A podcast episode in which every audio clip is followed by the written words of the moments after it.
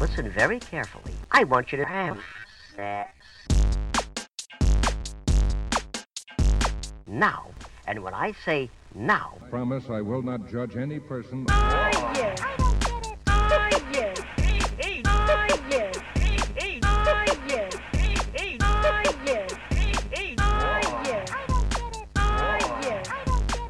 Cześć, z tej strony Nat, czyli Twoja zaufana sekspertka, a to jest Nat i Seks.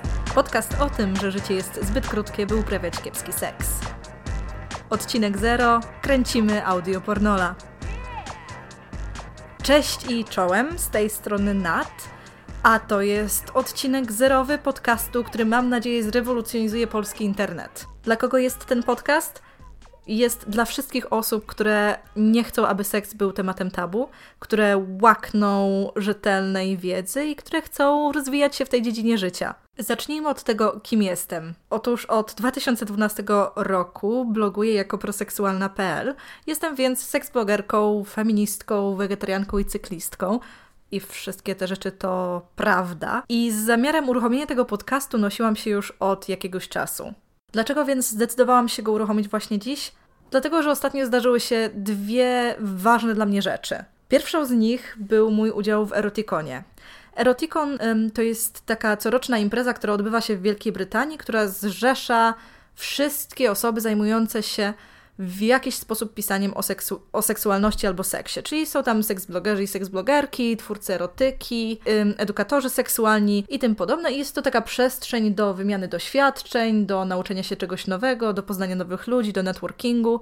I właśnie na Eroticonie uczestniczyłam w panelu, który prowadziła Alex Fox. Alex Fox to jest brytyjska podcasterka, która, która nagrywa o seksie, jest też ambasadorką kilku marek. Generalnie jest taką osobistością, która w Wielkiej Brytanii, kiedy pojawia się coś około seksualnego w mediach, to ona właśnie tam jest. I, um, i na Erotykonie właśnie prowadziła panel o tym, jak uczynić podcast interesującym dla, dla potencjalnego odbiorcy. Nie mówiła o technikaliach, tylko właśnie o tym, jak robić to dobrze, jak osiągnąć poziom takiego intymnego kontaktu ze słuchaczami.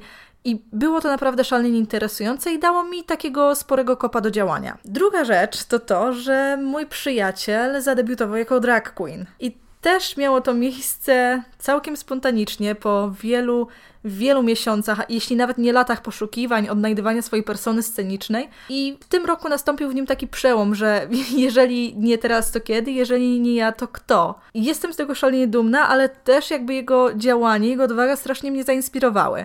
Także jeżeli tutaj mogę teraz polecić, osobę, która zmieni polską scenę drag, to radzę poszukać Twojej starej w internecie i hashtaga Twoja stara to Twój stary, bo naprawdę jest to coś fantastycznego. Jeżeli znasz mnie z bloga, pewnie wiesz, że moje teksty, jak na wymogi internetu, są szalenie długie. Są na tyle długie, że sama bardzo często przyłapuję się na tym, że skracam, tnę, rozbijam wpisy na mniejsze wpisy, robię z nich kilka części i tak dalej. Być może zastanawiasz się, dlaczego wybrałam podcasting, a nie na przykład um, wideo, czyli, czyli założenie kanału na YouTubie. Przede wszystkim dlatego, że zdecydowanie lepiej gadam niż wyglądam, a żeby nagrywać podcast, mogę naprawdę wyglądać jak panna kupa główna, usiąść przed mikrofonem i nagrać coś naprawdę wartościowego. Kiedy próbowałam robić um, wideo do sieci, to zauważyłam, że bardzo dużo mojej energii zajmowało przygotowanie miejsca, zrobienie makijażu, ułożenie włosów itd.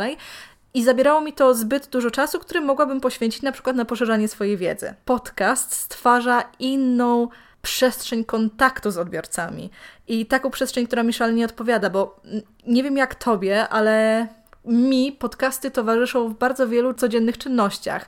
Na przykład odpalam różne podcasty wtedy, kiedy sprzątam mieszkanie, wtedy, kiedy siedzę na toalecie, kiedy idę na siłownię, kiedy wychodzę na spacer.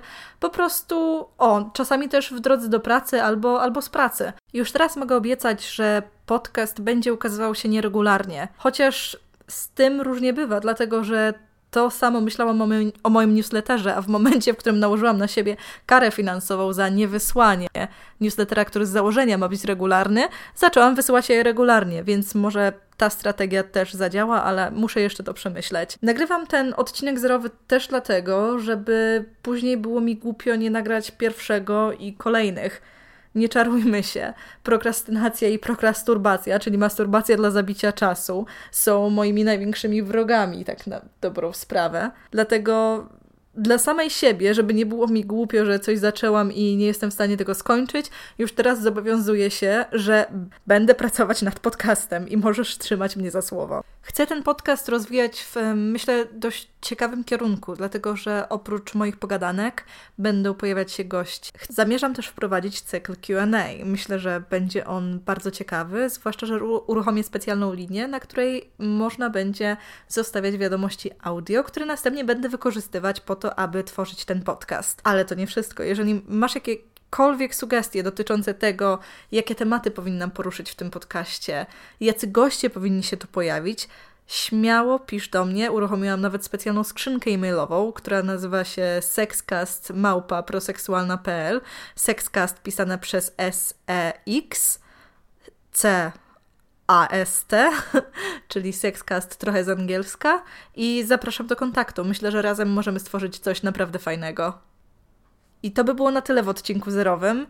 Myślę, że ten podcast Sexcast będzie Ci się podobał. Jeżeli nie, trudno, zostań przy treściach na blogu, ale jeżeli tak, to z przyjemnością zagoszczę w Twoich dziurkach usznych raz jeszcze. W takim razie, do usłyszenia. So, it's very important and very fun also to now,